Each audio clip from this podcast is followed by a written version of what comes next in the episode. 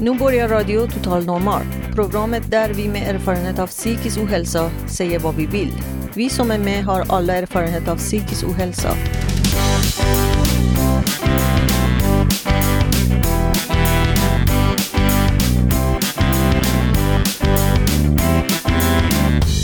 Du lyssnar på Radio Total Normal 101,1 MHz. Totalt normalt. Radio Total Normal, torsdagar från två till halv fyra. Vi livesänder med publik från Götgatan 38 i Stockholm. Kom hit och lyssna. Här är alla röster lika värda.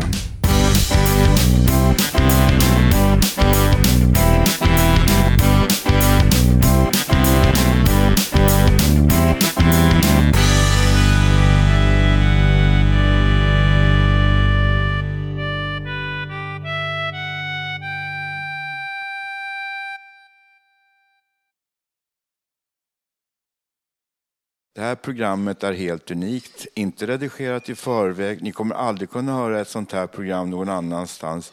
Det finns ingen radiostation som är lika speciell som vår. Och stämningen i rummet här är väldigt bra. Det känns bra och att alla lyssnar uppmärksam, uppmärksamt på oss. Och jag som är programledare idag heter Janne. Varsågod. Ska medarbetare läsa en dikt av Ulf Torell. Ja, hej, hej.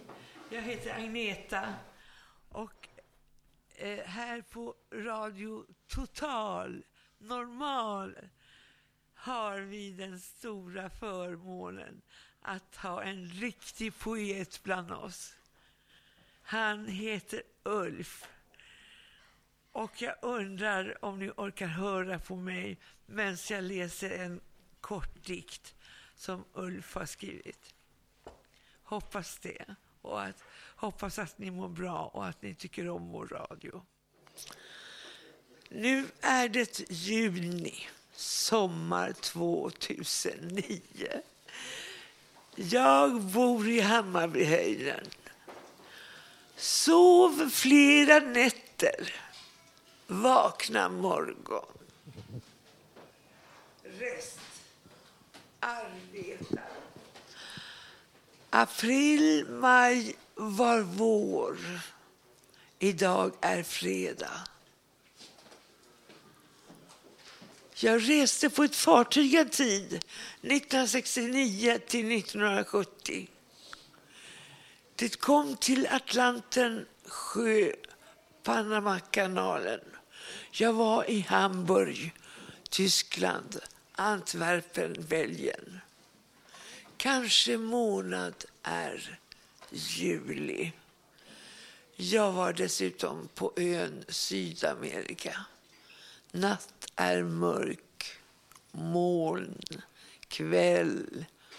Månen lyser, stjärnor blinkar. Igår var det torsdag. Jag är 56. Förra året var 2008 fredagen den 12 juni.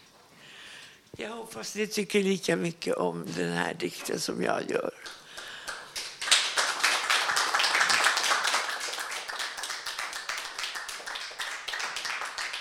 First I was afraid, I was petrified.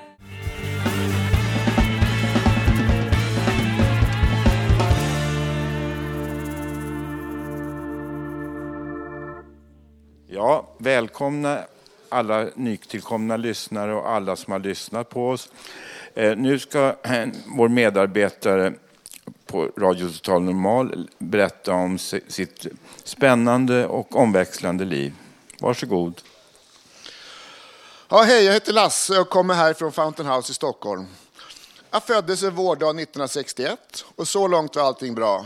Även om min terapeut hävdade att många av mina problem härrör just från min barndom. Nåväl, det gick i alla fall bra för mig. Skolan gick bra, gymnasiet gick bra och jag klarade Tekniska högskolan och blev civilingenjör. Allt rullade på. Karriär på Ericsson, familj, fru och två barn och katt, radhus och två bilar och fri tillgång till sjötomt i skärgården. Då, när allt var på topp, jag var 33 år, så slog det till. Jag klappade ihop fullständigt. En djup depression och sen som ett brev på posten en storslagen mani. Så där höll det på några år. Upp och nedgångar, varvat med inläggningar och katastrofala psykoser. Arbetsgivaren hade till en början stort tålamod med alla mina sjukskrivningar. Men 2001 tröttnade de och jag fick sparken. Tillsammans med tusentals andra visserligen. Men det var ett bra tillfälle att bli av med en sjukling som mig också. Min fru var till början ett stort stöd. Men efter det helvete som också hon fick gå igenom så orkade hon helt enkelt inte längre. Vi separerade. Vi var, vi var överens om att det var det bästa för barnen. Men vi har ju såklart alltid haft de bästa kontakterna när det gäller barnen. Efter allt det här, då jag förlorat allt, jobb, familj, bostad och ägodelar. Nej, jag hade inte förlorat riktigt allt. Jag hade ju som tur var barnen kvar och det var ju trots allt huvudsaken. Men i alla fall, jag råkade in i en djup psykos, så djup att den höll på att kosta mig livet. Jag vill inte gå in på hur. Jag hamnade åter på psyket och fick vara kvar där ett halvår. Sen stod jag där, utan familj, utan jobb och utan bostad. Jag fick kvarta hos farsan. Vad göra? Personalen på psyket var hjälpsamma i min rehabilitering och föreslog först en träfflokal där man satt och målade brevlådor hela dagarna. Är det här min framtid, tänkte jag. Är det här min framtid, tänkte jag. Nej, jag vill inte. Nästa förslag var någonting som kallades Fountain House. Prova om det kan vara något för dig, tyckte personalen på psyket. Nåväl, jag fick verksamhetsberättelse, årsredovisning, massor av broschyrer och någon avhandling som någon doktorand har skrivit. Oj då, det här verkar seriöst, tänkte jag. Men studievan som jag var satte jag igång och plugga. När jag tyckte mig vara redo för intagningsprovet vågade jag mig i alla fall iväg till Fountain House på Götgatan. Jodå, folk verkar ju trevliga, men det första som hände var att jag sattes i någonting som hette Fontänskolan. Där skulle man lära sig riktlinjerna, alla 36, utan till. fick jag för mig. Men när jag klarat av det då, då skulle jag i alla fall bli antagen tänkte jag. Och det blev jag. Jag fick traditionsenligt pin och t-shirt och medlemskort och kram av chefen Björn. Och jag kände att efter min enorma djupdykning så var jag på gång igen. Jag kände mig verkligen välkommen. Jag fick enklare arbetsuppgifter som jag faktiskt klarade av. Och jag fick träffa drottning Silvia. Kanske inte personligen, men hon var i alla fall där och hälsade på oss. Efter bara några månader fick jag följa med på Sverigekonferens i Göteborg. Det var stort för mig. Och när jag satt där på en båt i Göteborg så tänkte jag att, kände jag att jag verkligen att I'm back in business. Tiden gick, åren gick. Jag jobbade på och hade någonting roligt att gå till varje dag. Jag fick åka på fler konferenser. I Malmö satt jag ordförande i en workshop. Något liknande hade jag inte gjort sedan glansdagarna på Ericsson. Där fick jag också skaka hand med kronprinsessan Victoria. Det är mycket royalism inom Fountain House-rörelsen. Jag blev, också förtroende, jag blev också förtroendevald att vara representant i nätverket för Sveriges fontänhus. Då, för tre år sedan, när allting såg ut att vara bra igen. Jag hade Fountain House, ny lägenhet och nytt förhållande. Så slog det till. Jag sjönk ner på botten igen i en djup psykos. Jag hamnade på psyket i tre månader. Men personalen insåg att det bästa, den bästa rehabiliteringen för mig var att så snabbt som möjligt komma tillbaka till Fountain House igen. Så jag kom sakta tillbaks. Jag som hade stått på topp fick börja om igen. Mest med arbetsuppgiften bara vara. Senare att med stor möda kolla mejlkorgen en gång om dagen. Men det är just det som är Fountain House, att man får jobba i sin egen takt, var och en efter sin egen förmåga. Sen snart ett år känns det bättre igen. Jag har fått förtroende att jobba i LECT-projektet, som ni får höra mer om på andra ställen. Jag har också fått tillfälle att resa igen och har handfasta uppgifter på huset, dit jag går nästan varje dag nu från morgon till kväll. Förutom de dagar jag träffar mina barn, för de är klart viktigare än huset i alla fall. Och jag ser nu Fountain House som ett riktigt arbete. Till hösten tror jag också att jag är mogen att prova på en övergångsanställning. Så vad har då Fountain House betytt för mig? Efter den berg och dalbana jag levde i är Fountain House inte bara en plats att gå till, inte bara social samvaro, som är jätteviktigt. Huset har också gett mig fast mark under fötterna, trygghet, vänlighet och medmänsklighet. Det har gett mig en identitet igen och möjligheten att, få, möjligheten att få leva ett bra liv, trots allt. Tack för mig.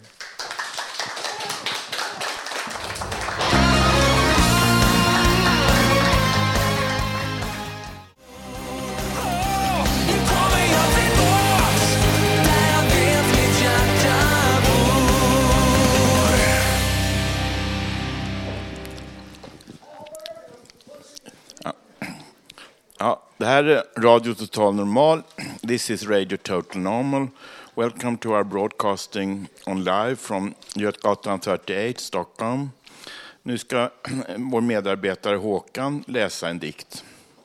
Ja, nu så får ni tänka att det är sommar som kanske inte är lite si och så med den. Den här handlar i alla fall om midsommar. Hipp hurra! Äntligen så är det sommaren här. Och som du och jag har längtat till. Solens varma strålar värmer oss från en blå himmel. Barnen och de stora dansar ringlekar som små grodorna. Karusellen och reven raskar över isen. Till dragspel och gitarr och fiol som hör till.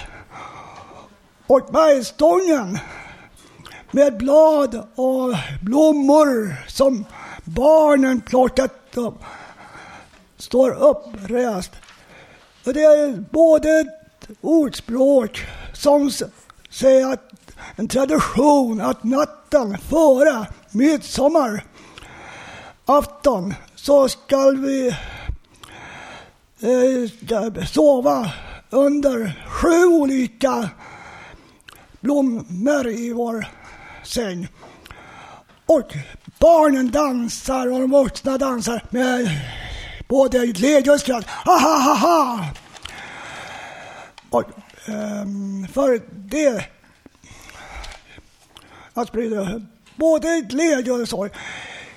Så jag önskar till slut alla som lyssnar på oss på radion och alla här i publiken att ni alla får en underbar sommar med sol och bad på någon badstrand där ni tillbringar semestern. Tack för mig!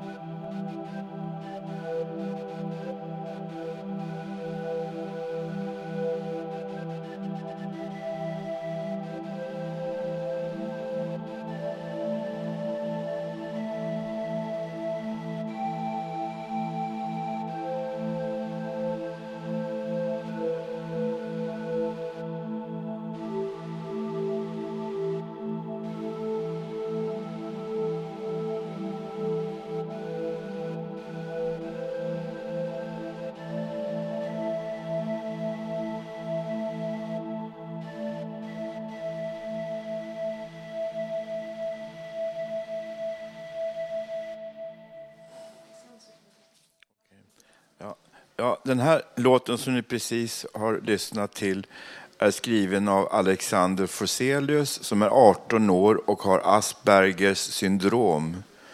Och han har skickat låtar till oss på Radio Total Normal. Alexander gör så kallad ambient musik under namnet Dr. Sounds. Han berättar i sitt mejl om hur han när han var liten ofta hade upplevelser av att passera olika former av världar, skepnader och så vidare. I, eh, I sin musik beskriver han hur han har sett utopiska och gammaldags miljöer.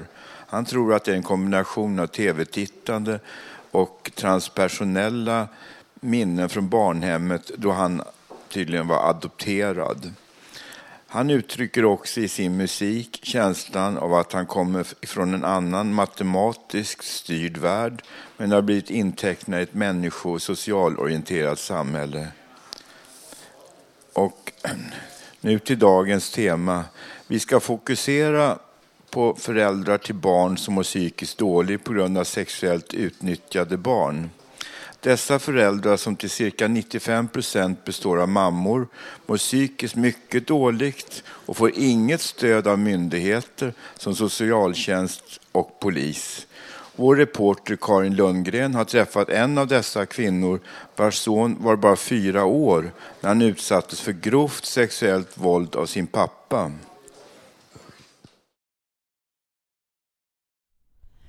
Eva, du är mamma till en pojke som har utsatts för sexuella övergrepp och han är 12 år idag. Kan du berätta hur, hur du har mått under den här tiden?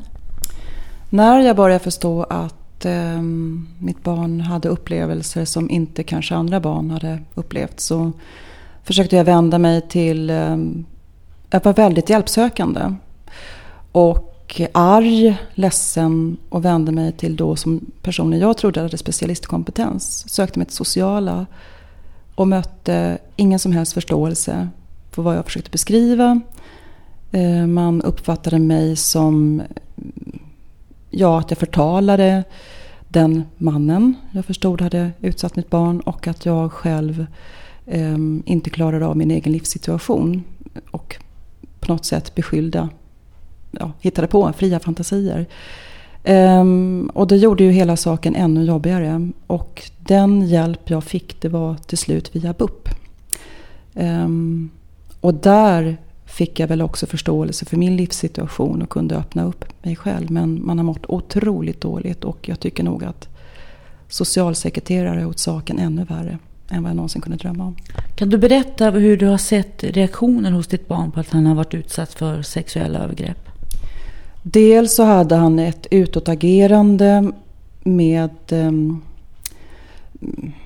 han kunde inte sätta ord på könsdelar eller sånt som vi som vuxna betraktar som sexuella utageranden. Men han berättade ehm, och satte egna namn på könsdelar. Han eh, kunde göra manövrar i sängen, försökte sätta sin snopp i eh, mormors mun, i min mun och berättade då och namngav personen i fråga som gjort så på honom. Han eh, lekte lekar med eh, kusiner, kamrater som gick överstyr. Han eh, ville gärna posera, eller hur vi nu ska, som i vuxenspråk skulle uttrycka det. Hur gammal var han när han gjorde det här? Fyra och ett halvt år. Och eh, han berättade även om pinnar i skärten jag förstod först inte vad han pratade om utan trodde verkligen det var pinnar i stjärten, att någonting hänt på dagis. Och han pratade om nappar i stjärten men sen började han beskriva att den som gjorde detta hade arga ögon och att han brukade dö och att han inte kunde andas när det här mm, när, ja, han beskrev ju närmare även om han använde andra ord för könsdelar. Han, hade ett, eh, han hittade på namn på könsdelar som han själv inte hade begrepp om vad de hette. Exempelvis förhuden kallar han för något helt annat än vad vi vuxna då benämner organet som.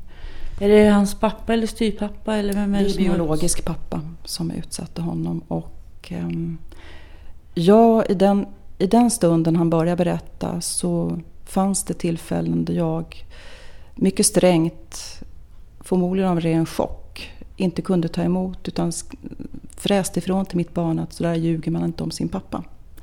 Och det är klart att det är inte särskilt friskt att säga så till en fyra och ett halvt åring. Är, men ehm, Så reagerar man i chocken. Så det tog flera månader innan jag ens kunde lämna, eller poletten trillat ner att det kanske var biologiska pappan som gjort detta.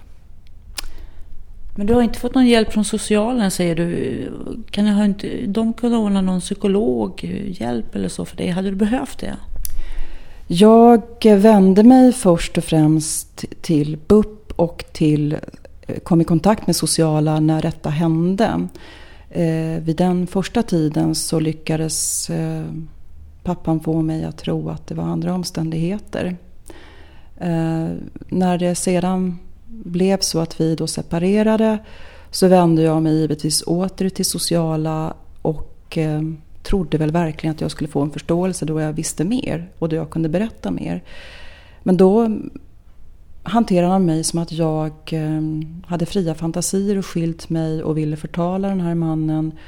Och jag mådde egentligen nästan ännu sämre av just den situationen att inte bli trodd utan att behandlas som om jag var en kvinna som skiljer mig och vill utsätta mitt barn för en ännu svårare och djupare konflikt genom att förtala pappan. Och den, den hjälp jag har fått, det har varit genom frivilligorganisationer och BUP. Inte alls av socialsekreterare. De kunde sitta och skratta rakt, rakt ut i luften eller slå händerna i knät. Eh, därför att de tyckte att det var så konstiga historier jag kom med att en sån fin pappa skulle ha gjort det här mot sitt barn. Och eh, han hade ju inte så svårt att få kvinnor. Varför skulle han ge sig på en pojke? Eh, din son, hur länge han bor hos sin pappa nu? Hur länge har han bott där? När eh, jag hade gjort en andra polisanmälan tillsammans med min familj och andra anhöriga så eh, betraktades jag som riktigt tokig av socialförvaltningen. Och eh, det kom aldrig att bli några egentliga polisutredningar. Det såg faktiskt socialsekreterare till att lägga ner. Hon talade om för mig att eh, man skiljer sig inte på det här sättet och man hittar inte på historier. Eh, då omhändertar man mitt barn akut, bryter den BUP-behandling jag startat för hela familjen där även pappan skulle ingå. Och det handlar alltså inte om att skuldbelägga någon utan tvärtom försöka lösa situationen. Eh, och barnet hade då börjat på en BUP-behandling. Den avbryts och barnet omhändertas av socialförvaltning mot BUPs vilja. Och eh, han förs till två jourhem, får ingen som helst hjälp, får inte ha kontakt med mig, får inte ha kontakt med kusiner eller familj eller skolkamrater eller andra kompisar. Och eh, så småningom hamnar han i fosterhem. Ingen av dessa jour eller fosterhem har någon som helst bild eller begrepp om att barnet utsatts eventuellt för övergrepp. Utan man har en bild utav att det är jag som är tokig. Hade du väntat dig när du anmälde från början? Jag tror att man hade, eller jag och min familj hade väl ändå en förhoppning om att få bli tagna på allvar och att få komma på polisförhör vi hade så pass mycket att gå på så att det faktiskt fanns dokumenterade skador. Eh, dokumenterat av läkare. Och det fanns även en utredning från BUP som pekade på att mitt barn hade en diagnos som brukar ställas på barn som utsatts för övergrepp. Eh, däremot hade vi, inga, hittat, vi hade inte hittat barnporr. Vi hade inte hittat eh, foton som styrkte och vi hade bara barnets berättelse. Men de var många och de var under, under lång tid. Eh, vi hade också förväntat oss att socialsekreterare agerat och stöttat barnets rätt till hjälp och min möjlighet att också få vara sjukskriven, orka med situationen och att jag inte skulle bli utskrattad när jag gråter och berätta om hur dåligt jag mår över vad som har hänt. Eh, vågade du sjukskriva dig? Ja, jag sjukskrev mig därför att det sa upp till mig att du måste orka. Det här är som att ha ett barn som har cancer. Du kommer aldrig, aldrig att slippa detta utan du kommer måste leva med detta resten av ditt liv. Sjukskriv dig och ta hand om dig själv och se till att du får hjälp av alla möjliga personer med allt ifrån matlagning till att, så att, så att jag skulle orka ta hand om, om hela situationen så att barnet skulle få ha kvar mig som mamma och eh, det är ju en tuff situation så jag, jag, fick ju hjälp av anhöriga men det kanske eh, alla orkar inte ta till sig det man berättar så att mm, hur ska jag säga, man, då mår man också dåligt av den orsaken att man inte kan berätta allt för anhöriga eller vänner. Dels för att man kan sprida förtal som det heter, dels för att det är svårt för andra att förstå. Du vill vara anonym här, Var, varför då?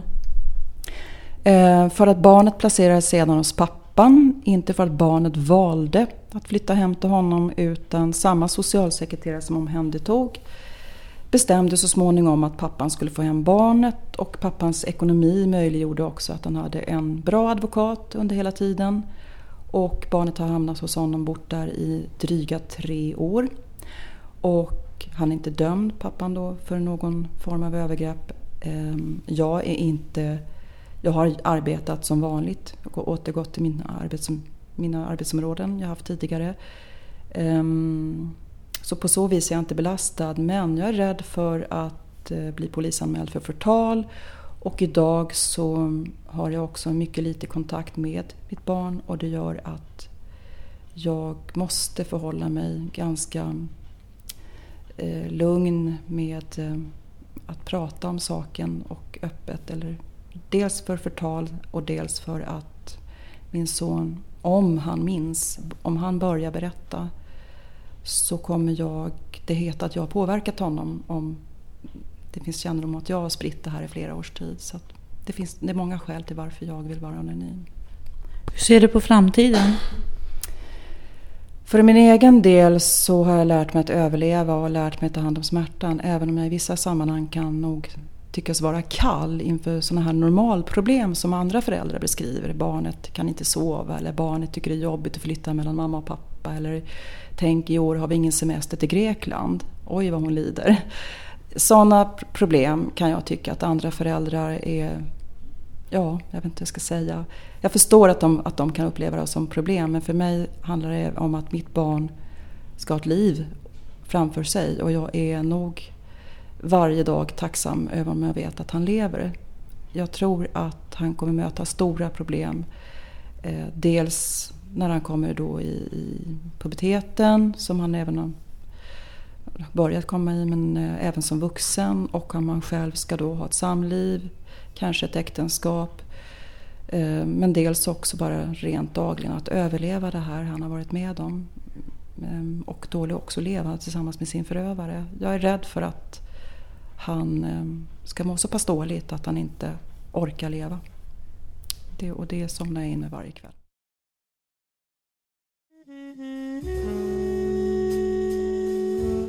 Ja, många anhöriga till barn som utsatts för sexuella övergrepp söker sig till en förening som heter ATSUB, Anhöriga till sexuellt utnyttjade barn.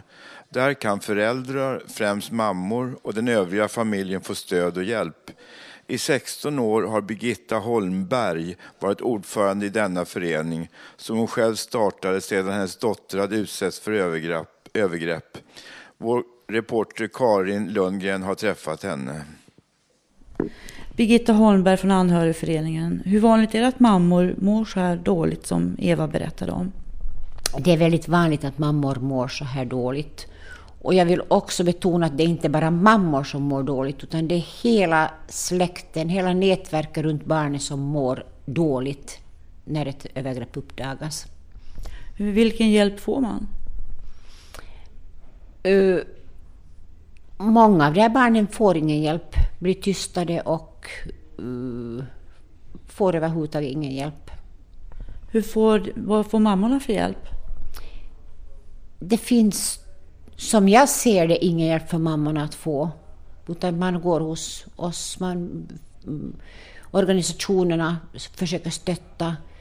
Det är väldigt, väldigt dåligt med hjälpen för mammor. Och pappor. Det är mest mammor det handlar om, eller? Det är mest mammor det handlar om. Och det är de biologiska papporna, eller? Eh, både biologiska papporna, vi har ju morfäder, vi har mammor, det finns kvinnliga förövare också. Det kan vara skollärare, okända förövare. Du är själv en dotter som har utsatts för övergrepp. Kan du berätta lite om henne, om hur hon mådde då? Min dotter mår jättebra idag, men då mådde hon ju inte bra. Det är ju 17-18 år sedan. Och jag tycker att situationen var bättre för barnen då. Hon fick hjälp, hon blev trodd, hon blev bekräftad i sin situation och det har ju hjälpt henne väldigt mycket. Kan du berätta om hur hon reagerade när hon mådde så här dåligt? Hon sov inte om nätterna, hon bet sig, hon fick andningsuppehåll, hon fick en diagnos hon fick äh, diagnosen astma just under den här själva krisen. Det var ju ingen astma utan det var panikångest hon hade. Slutade andas och jag fick köra in henne till sjukhuset i ambulans flera gånger. Hur mår man som mamma när man ser det här? Man mår ju jättedåligt och, och ska vi säga den här situationen att du vet inte vad det kommer att eh, bli, hur, hur barnets liv kommer att bli. Det är väldigt smärtsamt för en mamma. Eh, hur har det förändrats genom åren? Jag tycker att situationen idag är mycket värre för barnen. Det är få övergrepp som tas på allvar. Det blir väldigt få fällande domar. Och det är ju det barnen behöver. Man behöver bekräfta det här barnet. Vi tror på dig, det här har hänt. För att barnen ska kunna må bra. Det sägs att de här barnen är de barnen som mår sämst. De som utsatts för övergrepp eh, under tidig ålder. Jo, jag tror att det stämmer. De här barnen mår väldigt dåligt. Speciellt om de inte blir tagna på allvar och trodda på. Att bli utsatt och kränkt igen av myndigheterna och inte tagen på allvar, det är, det är väldigt svårt för de här barnen. Jag har hört talas om att det är att mammor inte vågar sjukskriva sig fastän de mår dåligt av att se sina barn fara så illa. Stämmer det? Det är sant. Mammorna vågar inte sjukskriva sig för man är väldigt rädd för att bli klassad som psykiskt sjuk och att det är... Uh, I en vårdnadstvist så ser det inte bra ut om man är sjukskriven för att man mår dåligt. Så det, det, det stämmer. En polis berättade att han orkade bara jobba två år. Att de flesta bara orkade jobba två års tid ungefär med det här för att det är så jobbigt för polisen. Stämmer det? Jo, det stämmer. Och det har jag hört också om socialsekreterare, att de inte sitter så länge heller. Att man, att man inte orkar jobba med det här problemet. Det tror jag är sant. Men mammorna måste jobba eller vara i, den här situationen hela livet kanske? Ja, ingen frågar mammorna om, om man orkar, utan där måste man kämpa. Okej, tack så mycket. Ja, tack för den här fina intervjun som Karin vår medarbetare på Radio Total Normal har gjort. Det var ju två intervjuer. Och nu kan jag säga så att om det finns några där ute som behöver hjälp och stöd ska ni vända er till anhörigföreningen på telefonnummer 08 644 2112. 08 644 2112. Ja, nu ska jag tala om lite grann om mina egna erfarenheter. När jag var barn då så var det väldigt konstiga vuxna tyckte jag. För att eh, det var väldigt mycket, man skulle sola, man skulle sola naken och det var mycket naket. Jag förstod inte varför. Och det här då att exempelvis lära oss simma, simlektioner var det en lärare som hade då. Och det var ju pojkar då, fick ju simma en bassäng och då fick vi inte ha badbyxor på oss. Vad nu han menade med det, det vet jag inte. Och så vidare. Det fanns ju både snuskiga gubbar och snuskiga tanter. Och eh, det där fortsätter tydligen, den där, den där ondskan går i arv. De som har hållit på med det här själva, de har ju själva varit utsatta för... Jag tycker vi ska bryta den där ondskan en gång och för alla här.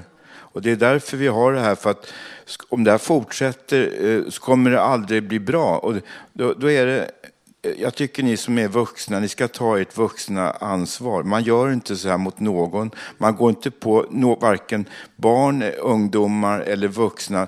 Ni får tygla era känslor. Jag tycker ni ska gå och be om hjälp för det här, för det är ni själva som behöver hjälp. Tack för ordet.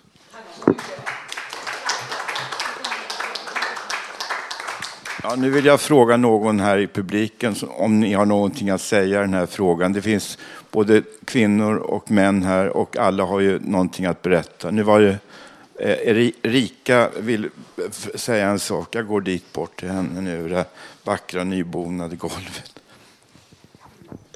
Hej, det här är en väldigt allvarlig fråga. och eh, det handlar om barn och hur, hur eh, vissa mammor, men också pappor, blir behandlade. Och eh, att jag har erfarenhet av inte just detta, men hur just man blir behandlad. Man blir inte trodd. Eh, Om man säger att man har en psykisk diagnos, då klassas man direkt liksom att ah, man klarar ingenting alls. Och liksom, det är inte lösningen alltid att barnet ska på något sätt tas bort och sådana såna här saker. Så att det, det, det, kommer också helt vidriga beslut och till och med just sådana här att den som har eh, begripit sig på barn får vårdnaden. Det, det, låter inte klokt alltså. Hur kan det känna? Hur kan man liksom säga att FNs barnkonvention funkar? Det funkar inte alls, tydligen. Varsågod, Håkan. Och när jag gick i skolan så skolkade jag på olika sätt för att jag blev retad mycket i skolan. Det var en och samma elev och jag tog upp det med skolan och ingen brydde sig om det först. Men så hamnade jag i en klass, eh, det var den fjärde eller femte klassen. Då hade jag tur att få träffa en lärare som inte var rädd att gå emellan. Var det bråk så gick han direkt och tog det på. Vad? Vad är det ni håller på med?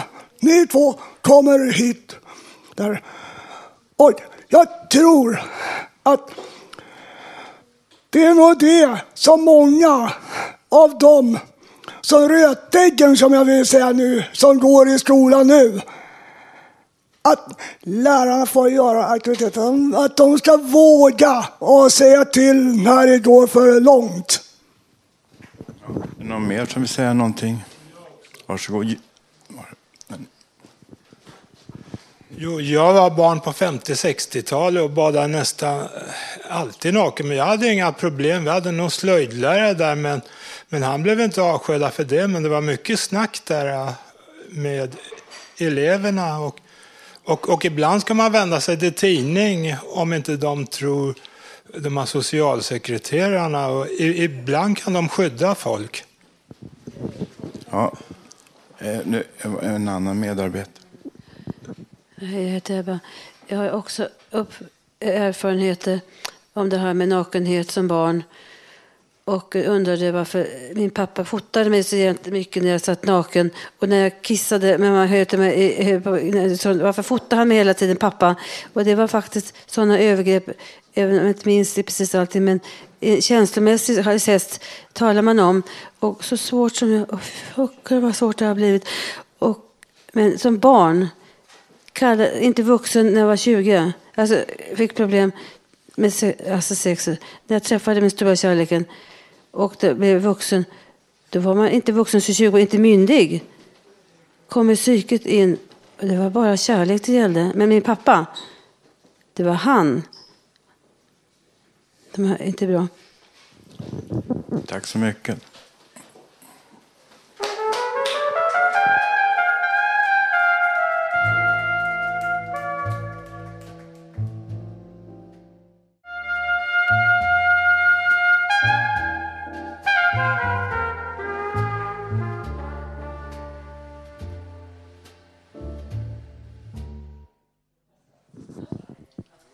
Nu ska eh, en medarbetare till oss läsa en väldigt intressant dikt, tror jag det är. Varsågod. Ja, hej. Hörs det här i eten hoppas jag också. Jag har en släkting som heter Harriet Lövenhjelm, hette. Harriet Lövenhjelm är ganska kända dikter och en bok här framför mig. Jag ska försöka berätta om henne. Jag har inte träffat henne för hon gick bort 1918 en obotlig sjukdom, då obotlig tuberkulos. Och eh, hon var 31 år, Löwenhjelm. Hon hade tre bröder. Karl, doktor, Wilhelm, militär och Crispin, kammarherre. Och jag har träffat alltså både alla tre bröder. De blev gamla. Och en annan i min ålder också, en Harriet, redan tyvärr borta konstnär. Hon var konstnärlig också, gick på för konstverk och, och målade. Hon blev refuserad, hon var lite... Ja, hon gjorde inte riktigt som de sa, men hon har skrivit dikter. Och ehm, eh, de har skrivit viss bok om henne, Harriet Björkman Goldschmidt. Och det finns... Eh, nu gick en bort, en släkting, det kanske finns mer upptecknat. Eh, bilder och brev, dikter finns en urval av inledning av Olle Holmberg. Och nu fick jag höra om att det handlar om misshandlade sjuka barn. Hon hade inget sådant, men alltså en obotlig tuberkulos. Eh, nu kan vi läsa en dikt som kanske passar in i det här sammanhanget. Det var lite sorgligt på slutet också. Barnbördsgemaket. En moder i sängen, en fader bredvid. Till höves i barnbördsgemaket. Därtill jordegummor som bida i frid och ivriga änglar i taket. Och så kommer barnet i sinom tid med skrik och var hjälplöst och naket. Alltså hon fick inte själv några barn så ung. Nej, ung, men hon fick inte själv barn och hon skriver om eh, en vaggvisa också. Mycket lidande här också, men vaggvisa skriven här. Dimma. Solen går sin höga ban upp på himlarunden. Månen seglar som en svan ut i midnattsstunden. Allting gammalt är så nytt för en liten fattig lytt som kommer Jons till världen. Sen en annan dikt jag tycker mycket om som heter... Eh, vad heter den då? Heter ingenting. De är ganska kända. Ingen känner igen dem här. Det finns en som är musik, musik. Jag ska sjunga den sen. Kasseman har skrivit musik. Och jag tänkte också skriva musik med, eh, med noter till sen. Den här då. Min själ är fridlös, mitt sinne sjukt av en hemlig och syndig längtan. Blir Gud faders stenhjärta aldrig så mjukt att han lyssnar i nåd till min trängtan. Jag har kraft, inte kraft att begära, jag äger dig rätt till att få. För din sons, Herre Jesu Kristi skull, ge mig att skriva mig ändå. Du milde Jesus som står så skön och blek på din faders sida. Be för mig, bed att han hör min bön. Du som ömmar för alla som lida. Jag har inte kraft att begära, jag äger dig rätt till att få. Be för mig, be hos din fader, bed att jag får ändå. O Kriste, när du på jorden gick, bland oss som i skuggor vandra. Säg om du ville, vad inte du fick, var du lust och kval som vi andra. Jag har inte kraft att begära, jag äger dig rätt till att få. Du milde och nådige Kriste, kan, kan du, säg, kan du förstå? Och sen ska jag ta, hon var väldigt kristen och hon har målat bilder på Jesus som är fångatagen av Pilatus. Som jag som släkting har fått ärva en, en etsning. Det passar mig bra som också har utsatts för sån fångatagning. Ja. Eh, den här då skulle vi ha vers på. Lite sorgligt så jag vet inte om jag gråter men den här. När hon var väldigt sjuk och höll på låg för döden. På sanatoriet. Tag mig, håll mig, smek mig sakta, famna mig varligt en liten stund. Gråt ett grann för så trista fakta, se mig med ömhet sova en blund. Gå ifrån mig.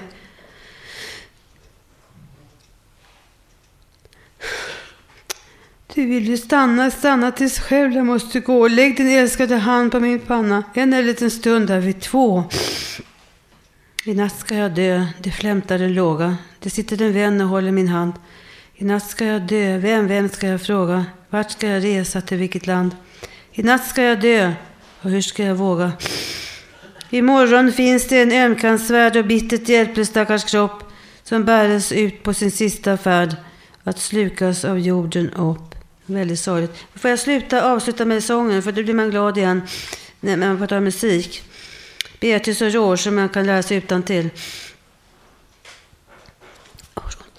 Ursäkta, jag har ont i halsen. Ja. Den här brukar folk känna igen.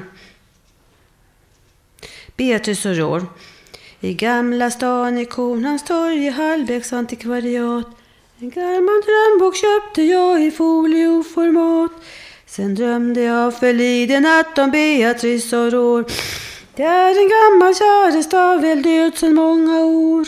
Hon stod mig när hon tog min hand, hon manade mig kom. Med ens förstod jag att hon var den enda jag tyckt om. Vi gingo i en linda le på gula våta blad och tårar sköljde på min kind och jag var ändå glad. Vi gingo länge hand i hand och talade som barn. Så stod hon vi med ens framför en gammal väderkvarn. Jag sade Beatrice Aurore, säg vill du bliva min? Ta fatt mig då, hon ropade och slank i dörren in. Och jag sprang in och letade i alla dunkla vrår och ropade men ingenstans fanns Beatrice Aurore. Jag vaknade vid att jag grät och kände hjärtats sting. Och i min drömbok sökte jag men där stod ingenting.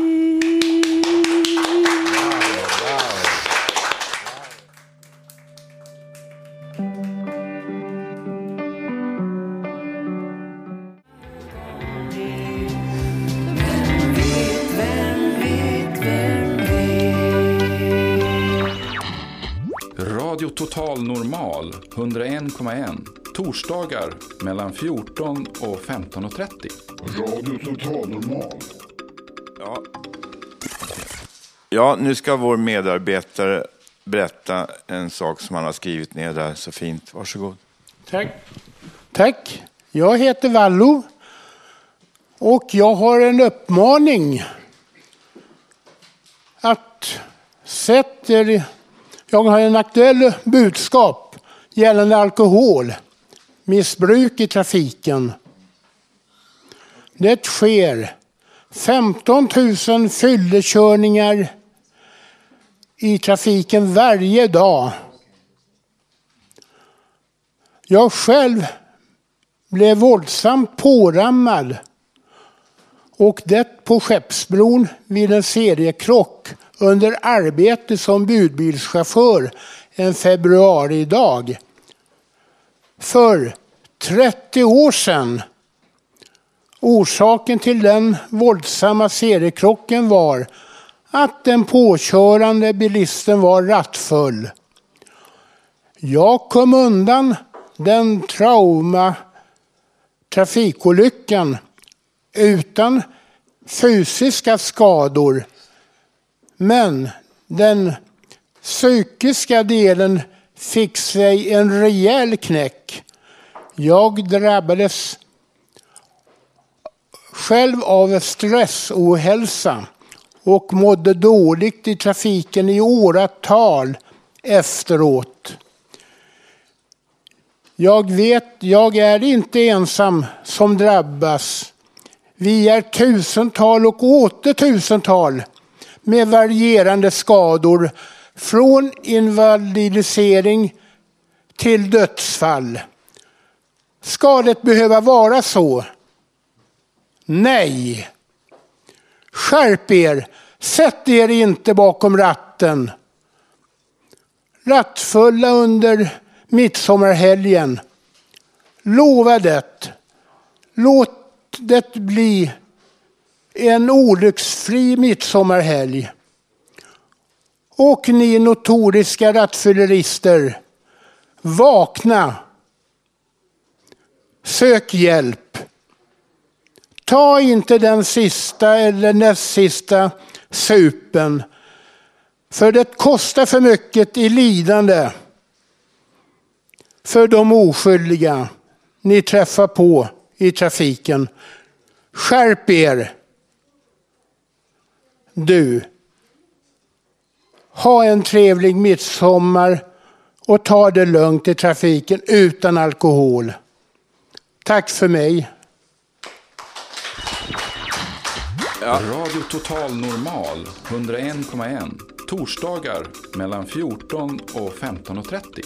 Radio Total Normal. En sak om det här som han sa. Ja, jag har personlig erfarenhet också av att jag var med en kamrat och vi blev påkörda bakifrån i en trafikplats här i Stockholm och eh, jag tänkte inte, vi, ingen av oss blev skadad, men eh, de som hade kört på oss hade tydligen inte använt eh, glasögon och det ska man ju ha om man ordinerar glasögon också. Och jag tänkte inte närmare på den saken när jag kom hem, men sen upptäckte jag då när jag var hemma att jag kunde inte äta på flera timmar. Och det var tydligen en sån här chock som jag inte visste. Var det, men vet jag att det kom och det har jag, eh, vår medarbetare fått lida i så lång tid för också. Nu ska, ska jag Eh, hälsa systrarna Ann-Marie och Lillemor välkomna och de har en, en låt som de ska sjunga. Så vill vi säga någonting. Det är härligt med musik. Vi åker runt och spelar och sjunger. Och det är härligt och eh, vi blir glada. Ja, nu ska min eh, syster säga någonting. Eh, jo, om det är någonting som har hjälpt oss genom våra depressioner och, och så genom åren så är det musiken. Varje gång vi har varit sjuka så har musiken alltid kommit tillbaka till oss. Det har hjälpt oss enormt och vi hoppas med våran sång att det ska hjälpa er. Nu ska ni få höra en gammal härlig låt som den rockande samen spelade in Sven-Gösta Jonsson 1958. Har vi försökt oss på. Ha det så bra. Ta det lugnt i trafiken också. Och glad Hellre ball än knall. Varsågod. Det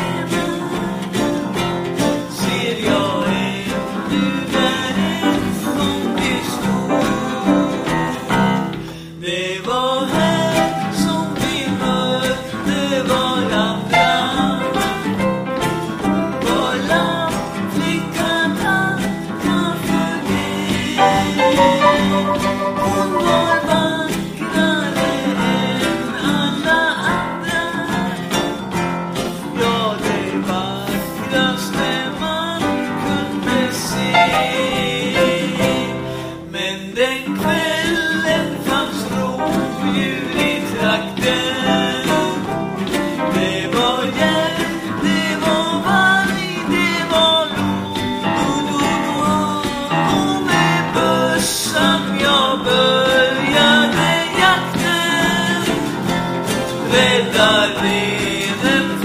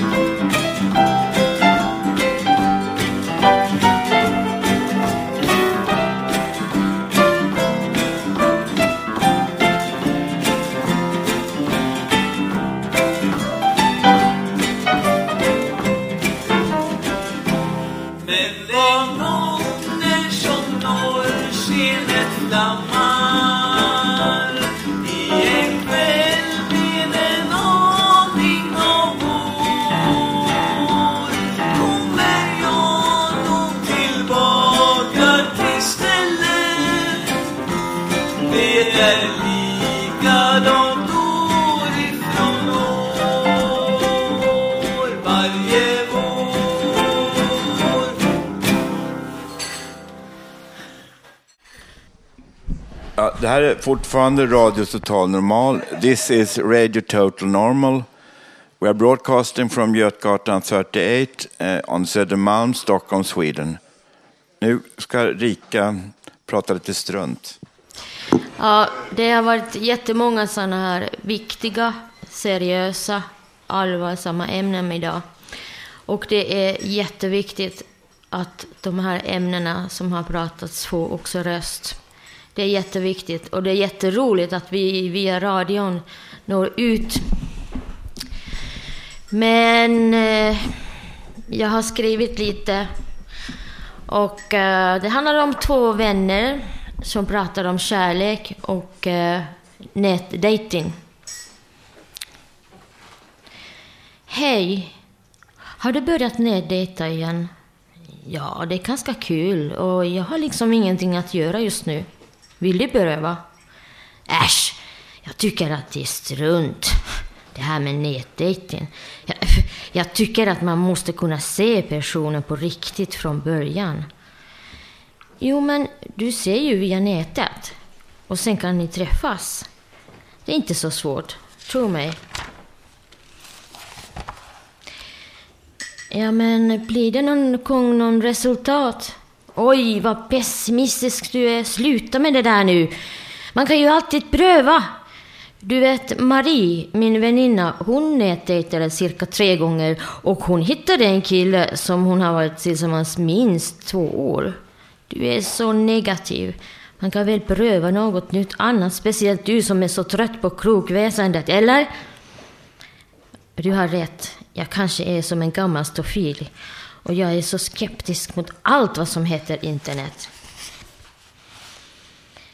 Vad jag vill säga är att kanske skulle jag pröva med det här nätdating.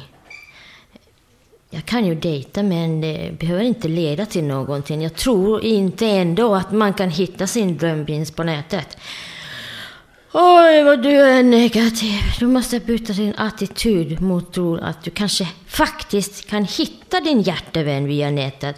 Detta sättet via nätet är vardagsmat för de flesta nu för tiden, men inte för dig. Du är så misstänksam. Men jag förstår, du har aldrig prövat. Nå, vad sägs? Jag vet att jag är så trög i skallen. Men jag vill pröva detta ensam, själv med din egen dator. Bara du lär mig hur man gör, är det okej? Okay? Självklart. När du vill så kan jag lära dig hur man gör. Det är spännande, det lovar jag. Hur mycket dejtar du själv? Ja, ett par gånger per vecka och jag tycker att det är roligt. Nu får jag panik. Jag kanske ska... Jag kanske ska inte göra det i alla fall. Nej, men backa inte nu. Jag ska visa dig och sen kan du gå hem och pröva. Det blir bra, tro mig. Ja, någonting måste jag göra med min ensamhet. Jag vet inte om nätdating är lösningen, men jag kanske ska ändå pröva det någonting. Någonting nytt, någonting modernt. Du har rätt. Jag har träffat några personer som var trevliga, men jag letar vidare. Om man har tur så hittar man sin själsfrände. Men det kan ta tid, det ska du veta. Okej, då kör vi igång. Ja, det gör vi.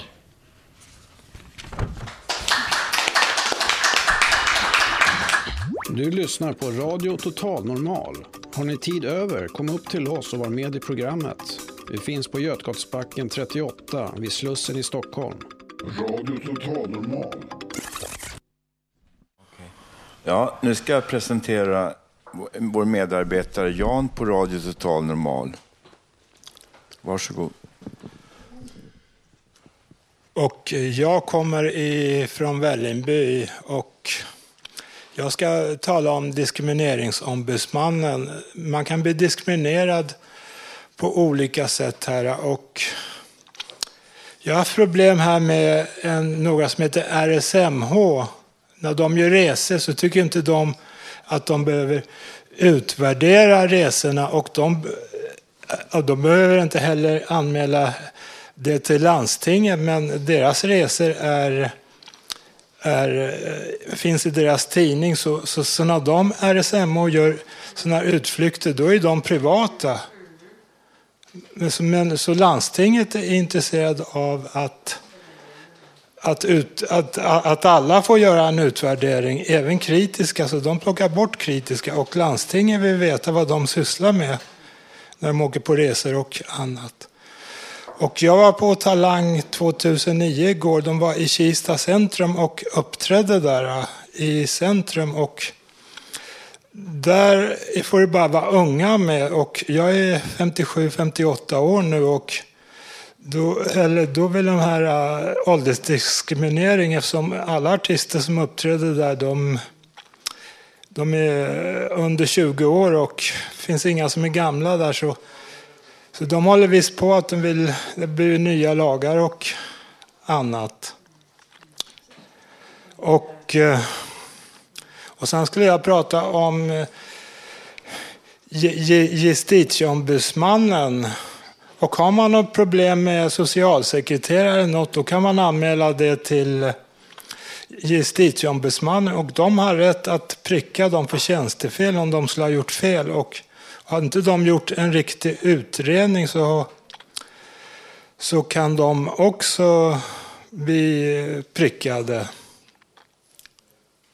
Så jag har gjort några anmälningar till justitieombudsmannen men de har inte utrett dem. Men man får liksom inte ge upp. Till slut så kommer de göra en riktig utredning och de har rätt att dra såna socialassistenter inför domstol om de vill. Och, och har man tre prickar då har man inget jobb kvar. Då får man sopa gator eller något.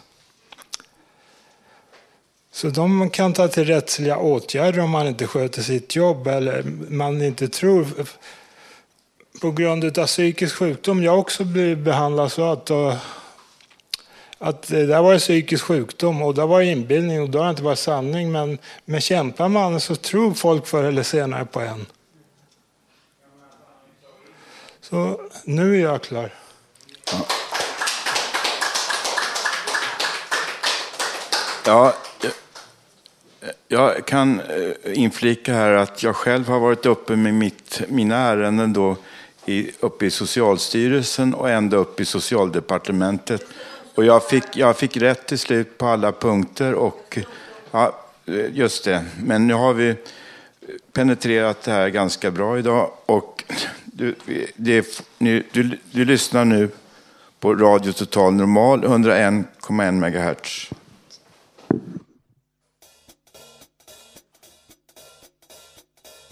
Well, it's Saturday night and I just got about tonight. Ja, du har lyssnat på Radio Total Normal på 101,1 MHz och på webben www.radiototalnormal.se. Teknik idag har varit Leni Günther, producent Hanna Samlin och de som har lagt musiken är Håkan, Karin och Jan. Du kan lyssna på programmet i efterhand på www.radiototalnormal.se. Jag kom på en rolig grej. Det är bättre att vara gammal än att känna sig det. Och det är bättre att känna sig ung än att vara det. Då lever man ju här och nu. Vår bästa tid är nu. Glad midsommar önskas alla totalt normala och alla totalt onormala. Vi hade i alla fall otur med vädret. Man kan ju inte ha kul jämt. Då skulle man inte känna att man lever.